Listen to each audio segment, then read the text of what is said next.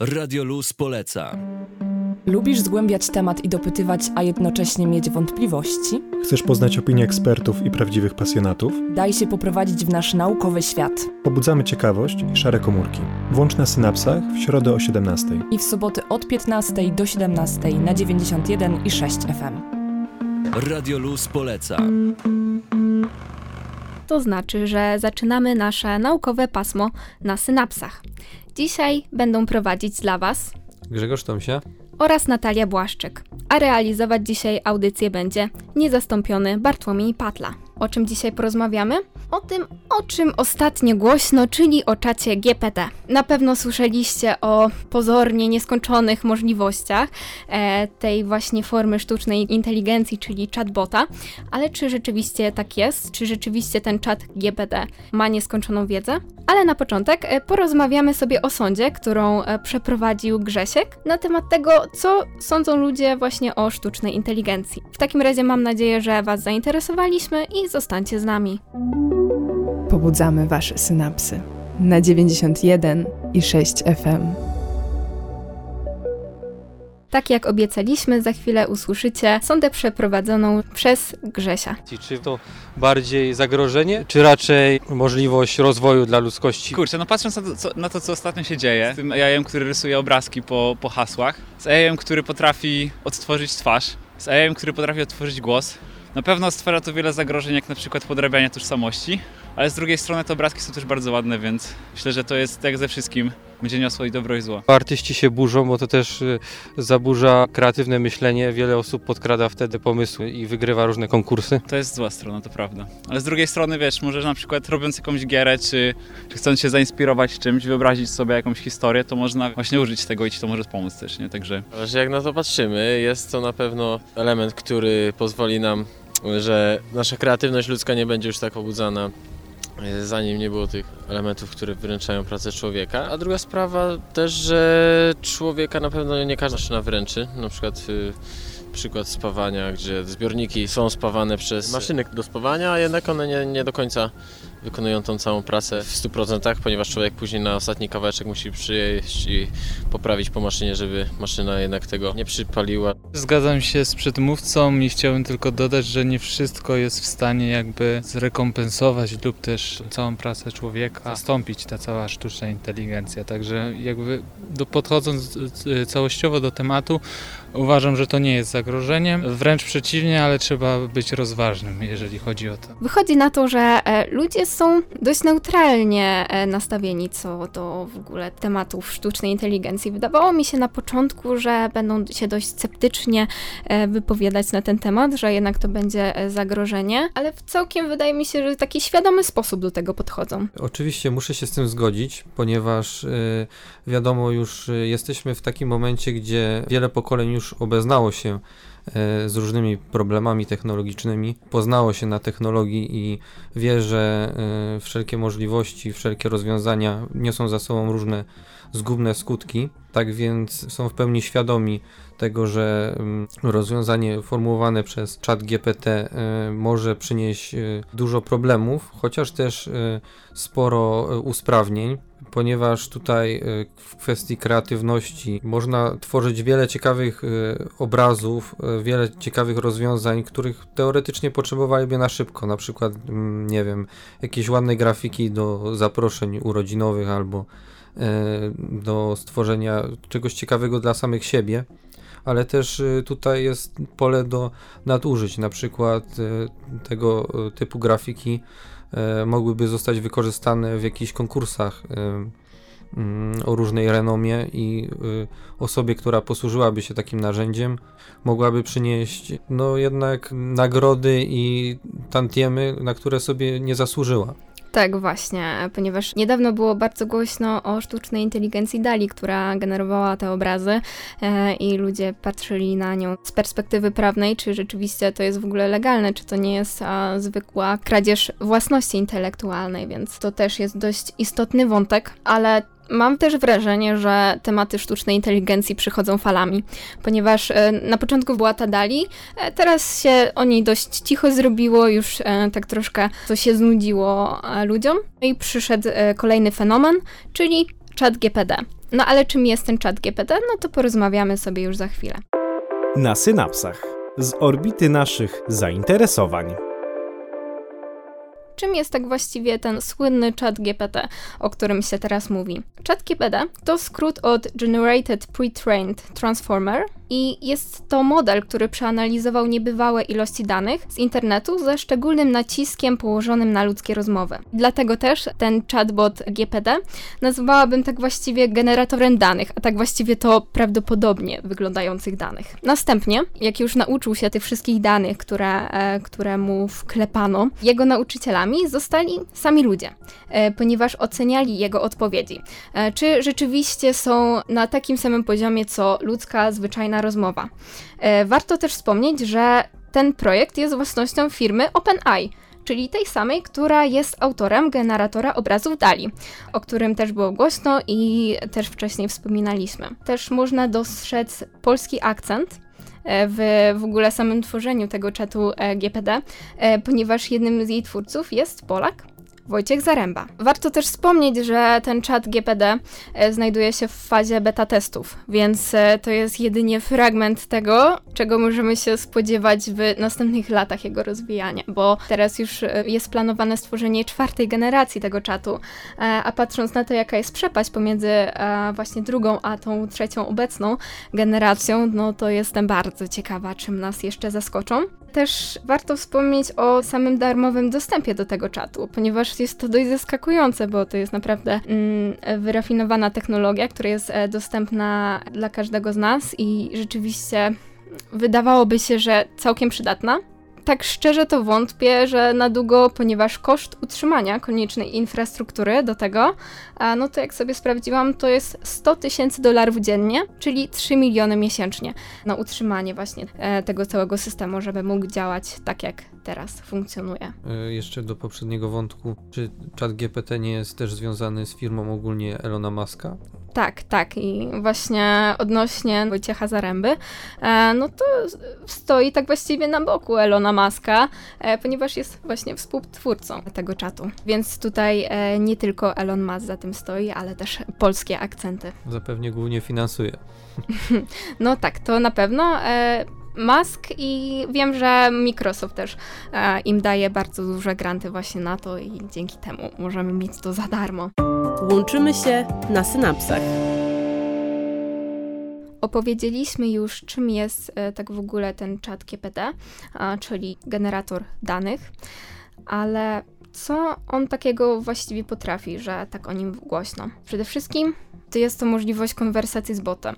Chociaż no, dla Was to nie jest nic zaskakujące, ponieważ boty odpowiadające na pytania są tak właściwie prawie że wszędzie, czy to e, na portalach społecznościowych, e, czy to chociażby elektroniczne sekretarki, które potrafią reagować na nasze odpowiedzi, mm, nawet tych irytujących telefonach z ankietami, które pewnie na pewno każdy kojarzy. Są one naprawdę powszechne no to dlaczego właśnie o tym czacie zrobiło się tak głośno? To po pierwsze, na pewno kwestia świadomości kontekstu, ponieważ jak raz poruszamy jakiś temat, spostrzeżenia, to chat GPD, chatbot, później może do niego nawiązać, zapamiętuje to, co wcześniej powiedzieliśmy. Jest też w stanie napisać wiersz, opowiadanie, albo opisać coś w inny sposób przeobrazić, jakieś tam sparafrazować coś, e, co chcielibyśmy, żeby inaczej brzmiało. Dajmy na przykład tekst, który jest bardzo technicznie, specjalistycznie napisany.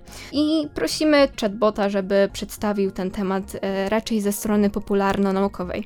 No i on robi to za nas, więc nie musimy się zbytnio wysilać, jeżeli chodzi o e, takie kwestie. Warto też wspomnieć o możliwościach związanych z informatyką, ponieważ może pomóc w programowaniu, wytknięciu błędów e, czy zasugerowaniu zmian. Wychodzi na to, że możliwości są nieograniczone, jednak czy rzeczywiście jest on taki niesamowity? Są wobec tego e, różne wątpliwości, przeciwwskazania e, z różnych stron. E, ponieważ chociażby Stack Overflow, a przede wszystkim osoby zainteresowane informatyką, to znają ten portal, gdzie można dostawać rady właśnie w tych tematach. Zablokował kody napisane przez chat GPD, mm, ponieważ powiedział wprost, że pisze on błędne kody bardzo często, a ludzie bezmyślnie je tam kopiowali. Na początku tak dość prześmiewczo myślałam, że jest to taka zagrywka z ich strony ze względu na to, że e, w pewnym sensie właśnie ten czat e, GPT może zabrać im klientów, ale jak już się bardziej zainteresowałam tym tematem, no to okazało się, że coś w tym jest, że jednak nie warto ufać temu czatowi.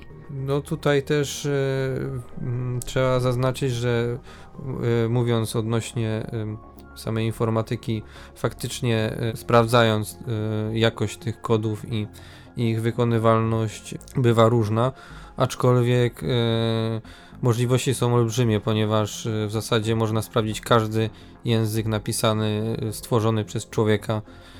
Mowa tutaj o języku programowania, nawet w umierającym kobolu. E, aczkolwiek też chciałbym jeszcze wrócić do tutaj aspektów właśnie pisania różnych prac, e, różnych e, tworów kultury. No tutaj trzeba zaznaczyć, że wiele osób będzie chciało wykorzystać tego typu narzędzie, żeby napisać wstęp do pracy dyplomowej bądź, bądź e, jakiegoś Tak, ja sama już znam takie przypadki. no, także ja też miałem okazję poznać, więc y, no też sam, samemu sprawdzając zauważyłem, że jest możliwość się pomylić, więc y, raczej prowadzący miałby problem zauważyć, że, że napisała to maszyna, a nie student. Mhm. Przede wszystkim, e, jak to w pewnym sensie już tam się zredaguje na swoje potrzeby, mm, no to można uklecić tam coś ciekawego. A Również wyszły pewne obiekcje e, wśród e, środowisk nauczycielskich, ponieważ już teraz są wykrywane sytuacje, gdzie nauczyciele widzą, że jednak to, to chyba nie do końca e, pisał student, nawet uczeń, uczeń liceum. No, wygląda to jakby właśnie taki chatbot pisał coś w tym stylu.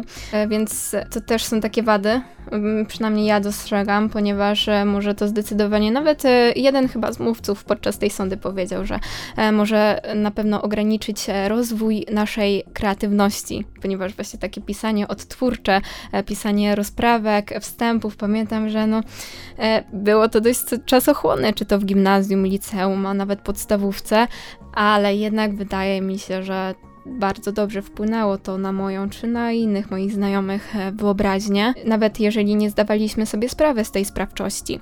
Więc takie nadmierne nadużywanie tego jednak może na nas negatywnie wpłynąć. Chociaż teoretycznie wsparcie w, w, podczas pisania różnych prac dyplomowych na początku e, w pisaniu wstępu może mieć to jakiś pozytywny wpływ, aczkolwiek odradzamy e, przepisywania bezpośrednio z takich e, narzędzi e, swojej pracy. Tak, jak najbardziej, chociaż e, teraz mam wrażenie, że rozpocznie się w pewnym sensie wyścig zbrojeń wśród studentów a wykładowców. Ostatnio czytałam na brytyjskiej uczelni, zaczęły powstawać e, AI detektory, czyli Czyli antyplagiaty, które, e, które właśnie weryfikują, czy przypadkiem nie pisał jakiś chatbot, czy sztuczna inteligencja. E, więc e, tutaj, tutaj będą no, w pewnym sensie wyścigi po prostu, kto padnie na jakiś lepszy pomysł. No a to też jest trudne, bo teoretycznie już osiągnęliśmy poziom bliski umiejętnościom człowieka w pisaniu pewnych e, tekstów i, e, i sam jako inżynier ciężko sobie wyobrażam e, możliwość stworzenia idealnego narzędzia, które by wykry- wykrywał każde możliwe takie naruszenie. ponieważ jesteśmy świadomi tego w pewnym sensie do jakiegoś stopnia, e, jak to działa, jak te antyplagiaty działają i zawsze znajdzie się e, stety, niestety sposób na to, że e, jakoś można to ominąć. Mhm. Tym bardziej, że człowiek też y, ma różne umiejętności pisania, więc y, ciężko tutaj wy, wychwycić, czy po prostu y, nie umie napisać dobrze rozprawki, czy, czy ta rozprawka była napisana jak najlepiej. Tutaj ewentualnie też nauczyciel mógłby zauważyć, że na zajęciach, na pracach pisanych, mm, na jakichś sprawdzianach uczeń średnio wykazuje takie swoje umiejętności, a,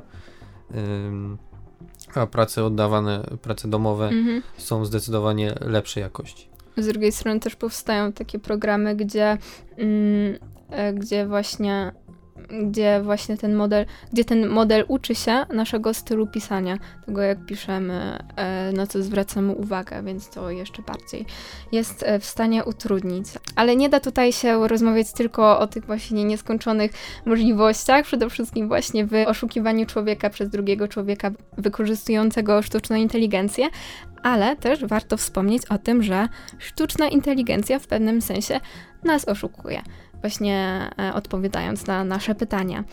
E, a w jaki sposób? Zostańcie z nami, a za chwilę właśnie opowiemy Wam o zakrzywianiu rzeczywistości przez chatbota. Nauka bez tajemnic w akademickim Radiu Luz. Bardzo ciekawej próby dowiedzenia się kłamstw chatbota podjęła się Polka, naukowczyni Teresa Kubacka. Przepytała go na temat swojego, swojego doktoratu z dziedziny fizyki. Na początku wstęp do pracy wygenerowany przez GPT był poprawny, ale tak szczerze to bez rewelacji. Sama naukowczyni przyznała, że powierzchowne podejście do tematu w rozmowie z czatem GPT e, było bardzo wiarygodne. Jednak jak to naukowiec e, zaczęła drążyć głębiej i dopytała się o kryteria doboru właśnie źródeł tej pracy. No i tutaj zaczęły się schody i kłamstwa, ponieważ nasz chatbot wymienił wiele nazwisk wraz z ich publikacjami. Ale jedną z tych prac Kubacka sprawdziła i okazało się, że taka praca w ogóle nie istnieje. W związku z tym zaczęła się dopytywać czatu o nią, a ten nawet przedstawił jej streszczenie. Co więcej, przedstawił listę prac wykorzystujących cytaty z tejże publikacji widmo. Z kolei e, w kontekście innych źródeł były przypadki, gdzie autorzy istnieli, ale zajmowali się zupełnie innymi dziedzinami. Drążąc dalej, czat próbował wytłumaczyć problem zaawansowanej fizyki, gdzie jak poprosiła o źródła, podał wcześniej wspomnianą tą urojoną pracę. Jest to więc bardzo dobry przykład kłamania przez sztuczną inteligencję, e, ale jednak chyba dość powszechny, ponieważ e, już nawet stworzono termin opisujący to zjawisko, czyli można powiedzieć, że w niektórych przypadkach e, ChatGPT występuje jako taki, że tak powiem, manipulant pozer, ponieważ e, udaje, że rozumie, o czym rozmawia, niby, niby mm, przedstawia jakieś swoje spostrzeżenie na ten temat, które, e, które chce ubrać jako fakt, ale jednak jak wchodzimy w to głębiej, no to niestety, ale wprowadza nas w głęboki błąd. E, Warto też powiedzieć, jak e, zareagowała na to Kubacka, ponieważ w pewnym momencie, jak e, do, zaczęła się dopytywać o te tematy, które były uwzględnione w tej pracy widmo, to sama zaczęła się zastanawiać nad swoimi kompetencjami, czy przypadkiem ona czegoś nie ominęła, czy było, e, czy było jakieś wydarzenie, które właśnie wprowadziło e, jakiś tam termin, e, którego ten czat używał. Czyli wychodzi na to, że sama doktorka zaczęła się zastanawiać, e, czy, czy jest osobą kompetentną do rozmowy właśnie z takim czatem GPT, który tak właściwie, jeżeli e, spojrzymy się na to, jak on działa, no to on nic nie wie, no nie jest świadomy tego, co mówi i udaje, że, e, że wie, o czym mówi. Po, powoli powstaje taka dziedzina też odnośnie samego y, y, Dali. Y, generatora obrazów. Tak, generatora obrazów która e, zajmuje się odpowiednim dobieraniem nazw, zdań, tak żeby otrzymać taki obraz, jaki byśmy chcieli, ponieważ nie, e, algorytmy tego typu są wrażliwe mniej lub bardziej na pewne słowa mhm.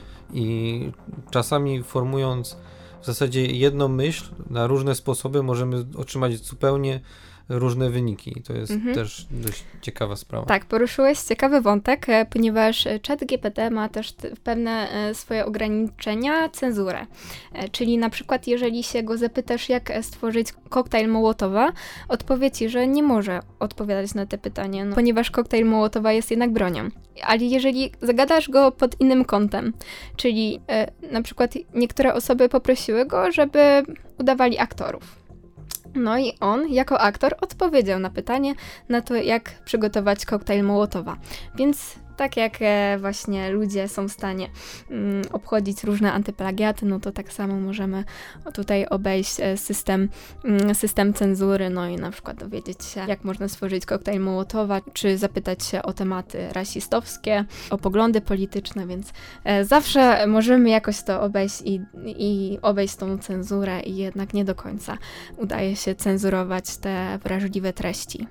No wszystko na to wskazuje, że będziemy musieli się nauczyć żyć z różnymi formami sztucznej inteligencji, jak z nimi koegzystować, bo to jednak jest e, kwestia taka jak używanie teraz telefonu, e, komputera i tak dalej.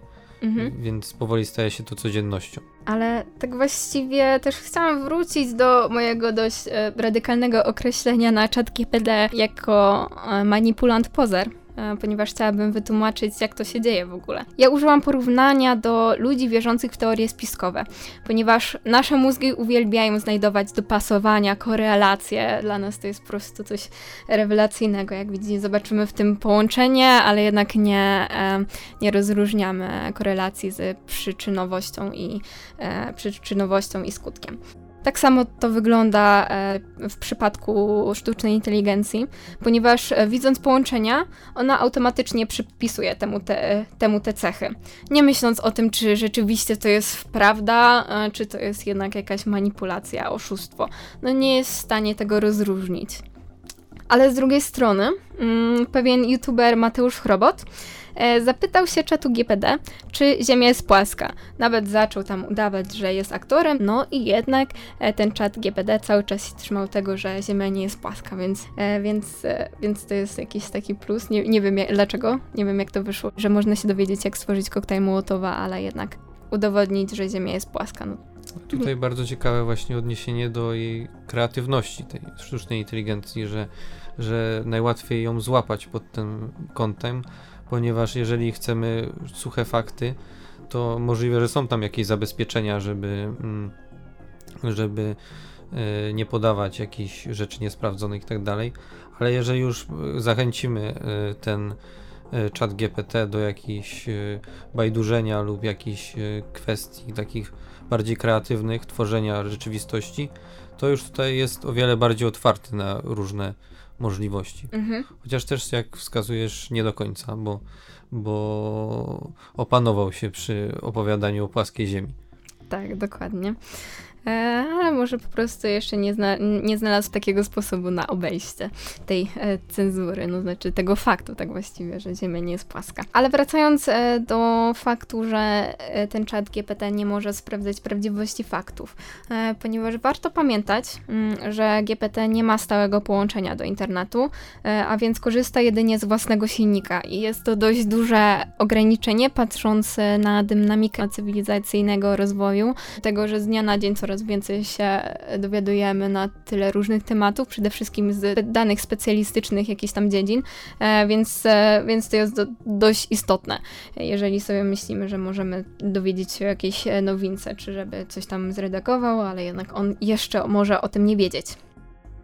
Jeżeli chcemy zdefiniować chat GPD, jest na to jeszcze jedno fajne określenie, które od niedawna krąży w internecie, a mianowicie statystyczna papuga. Dlaczego znowu dość zabawnie nazywałam ten czat GPT? No bądźmy po prostu świadomi tego, że on nie posiada żadnej wiedzy. Po prostu nauczono go bardzo dobrze struktury naszego języka i używa najbardziej prawdopodobnych e, statystycznie słów i zdań, które ślepo powtarza ale jednak ze względu na jego erudycję łatwo mu uwierzyć. No i to wydaje mi się, że to jest taka esencja tego, czym jest właśnie ten czat GPT. Sztuczna inteligencja, jaką znamy obecnie, w głównej mierze się jednak opiera na statystyce, więc e, wszystko w zasadzie, co powstało, co ma w sobie jakieś e, mechanizmy AI, e, tą statystykę posiada, opiera się na niej. Dokładnie. Więc każda odpowiedź takiego czatu to tak właściwie jest twór, który jest statystycznie najbardziej prawdopodobny, że będzie poprawny. To właśnie to jest taka statystyka, która determinuje to, czy trafił dobrze, czy jednak źle trafił. No i wynikają z tego takie różne błędy, tak jak w przypadku wcześniej wspomnianej naukowczyni i e, rozmowy z czatem o, e, o jej pracy naukowej, czy chociażby naszych na pewno własnych doświadczeniach. E, ja sama się przejechałam tutaj, sprawdzając układ równań, e, który chciałam scałkować e, krok po kroku i poprosiłam o to chat GPT z ciekawości, jak mi odpisze i rzeczywiście mi odpisał, ale okazało się, że źle. Jednak e, tutaj w pewnym sensie, nie wiem, czy to jest kwestia autorytetu, czyli fakt, że dosłownie przez pół godziny siedziałam i zastanawiałam się, e, czy tutaj jest e, coś źle w moim toku myślenia, no ale ostatecznie doszłam do wniosku, że nie, no to jest niemożliwe i że to jest jednak błąd modelu. Na samo zakończenie wątku czatu GPT e, warto wspomnieć, że sami twórcy na początku strony informują, że wygenerowane odpowiedzi nie muszą być zgodne z prawdą, a model jest stworzony głównie w celach poprawnej ludzkiej wypowiedzi bota.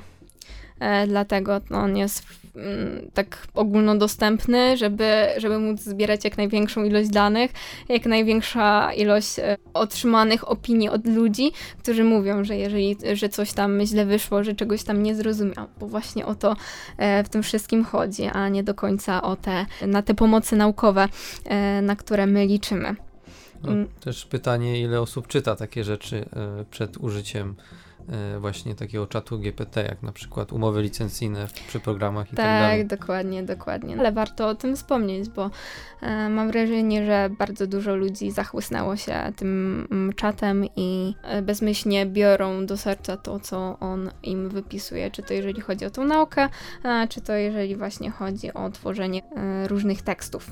Mm. Możliwe, że właśnie ci, co używali do tej pory tego narzędzia, usłyszeli pierwszy raz o o hmm. takim zapisie.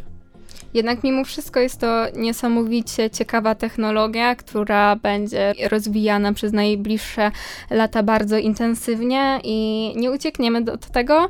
E, no i tak właściwie to dobrze, bo o to chodzi w postępie. Jest to niesamowicie ciekawy temat. Tutaj e, chciałabym wspomnieć o dość istotnej kwestii, e, że wszystko, co wpisujecie, jest tak jakby podglądane przez pracowników właśnie tej firmy e, w celu dalszego poprawienia modelu. E, w związku z tym trzeba pamiętać, żeby nie wpisywać e, tam żadnych danych wrażliwych, nie chwalić się kodem naszej karty bankowej czy coś w tym stylu, bo jednak coś czuję, że mm, w najbliższym czasie ta sztuczna inteligencja też może być, być dość atakowana przez hakerów, więc warto, warto zwracać uwagę na to, co tam wpisujemy. Na synapsach Główka pracuje. Porozmawialiśmy już trochę o czacie GPT, o tym, jak możemy z tego skorzystać, e, ale jednak mam nadzieję, że wyciągni, wyciągnęliście z tego dość um, istotne wnioski, a mianowicie, żeby zawsze brać te rzeczy, e, które on wypisze krytycznie, w krytyczny sposób, sprawdzać te dane, e, ponieważ mogą być zakłamane i więcej może to zrobić krzywdy niż pożytku. Więc najważniejsze, żeby polegać na swoim krytycznym myśleniu, ale też jeżeli chodzi o rozwijanie naszej kreatywności, nie rozleniwiać się przez ten czat GPD i e, robić mimo wszystko, tworzyć jakieś e, rzeczy na własną rękę. A teraz porozmawiamy sobie o trochę innym wątku, e, ponieważ o wątku prawniczo-technologicznym. Jak możemy zastosować sztuczną inteligencję w prawie? Przeglądając różne artykuły tutaj przed przed właśnie wystąpieniem natrafiliśmy na wiadomość o tym, że w Stanach trafiłem na mm, informację o tym, że w Stanach y, niedługo, bo jednak y, w przyszłym miesiącu, w lutym, y, planowane jest użycie prawnika robota. W zasadzie to sztucznej inteligencji, która chatbota, który, który ma jakby pomóc reprezentować reprezentować e, daną osobę w sądzie. To rozwiązanie nie ma na celu e, brać różnych spraw trudniejszych, jakichś związanych z morderstwami czy, czy jakimiś malwersacjami, sprawami takimi dość, dość istotnymi e, ze strony działania państwa czy, czy, czy decydujących o ludzkim życiu aczkolwiek y, pewien człowiek w 2015 roku zaczął rozwijać y, projekt, mianowicie Joshua Browder, y, który, który nazywa się Do Not Pay, Do No Pay. Miał na celu, w zasadzie można by to uprościć do doradztwa podatkowego, ponieważ jego narzędzie ma w głównej mierze pomóc reprezentować różne osoby w sprawach dotyczących różnych grzywien lub spóźnionych opłat, więc głównie takie kwestie finansowo-podatkowe, czyli jednak mniejszy kaliber aniżeli e, jakieś sprawy karne. Aczkolwiek no, trzeba przyznać, że to jest pierwszy moment, kiedy sztuczna inteligencja wchodzi do naszego życia na poważnie i jest to moment, kiedy wchodzi do sal sądowych. Chociaż jak na razie raczej są to bardziej organy doradcze, nawet tutaj e, w kwestii tego prawnika mm, jest to rozwiązanie bardziej takie pomocnicze aniżeli e, niżeli rzeczywiste, ponieważ ten oskarżony, który chce wykorzystać e, tego robota prawnika i tak przyjdzie ze swoim telefonem i będzie korzystał z niego podczas, podczas właśnie rozprawy. W formie pisania z nim wiadomości i uzyskiwania odpowiedzi, które będzie mógł zastosować przed sędzią. Mhm. Będzie mógł głównie doradzać i będzie mu mówić, co ma E, co ma robić podczas rozprawy sądowej. Czy sztuczna inteligencja zastąpi prawników? Wątpię ponieważ jednak e, e, ten akcent ludzki jest dość istotny w tego typu zawodach. Tak samo z nauczycielami, e, tak samo z wieloma innymi, innymi zawodami, więc za zawodami, więc wątpię, że jest się czymkolwiek ma martwić. Też warto tutaj wspomnieć, że nawet kilka miesięcy temu, nie aż, nie, w nie aż tak poważnej formie jak tutaj, ale wystąpiła po raz pierwszy w brytyjskiej Izbie Lordów Aida, robot znany z tworzenia sztuki przy wykorzystaniu sztucznej inteligencji, e, który mm, odpowiadał na pytania, ale nie w sędziego, że, że popełnił jakieś przestępstwo, a pytania dotyczące wpływu nowych technologii na przemysł kreatywny oraz potencjalnych zagrożeń z tego płynących. Więc jak najbardziej tutaj e, jednak te sądy, to prawo coraz bardziej się interesuje e, tymi kwestiami i bardzo dobrze, ponieważ trzeba to jak najszybciej regulować, żeby nie było e, w związku z tym jakim, jakichkolwiek niedopowiedzeń. Przybliżyliśmy Wam dzisiaj temat czatu GPT.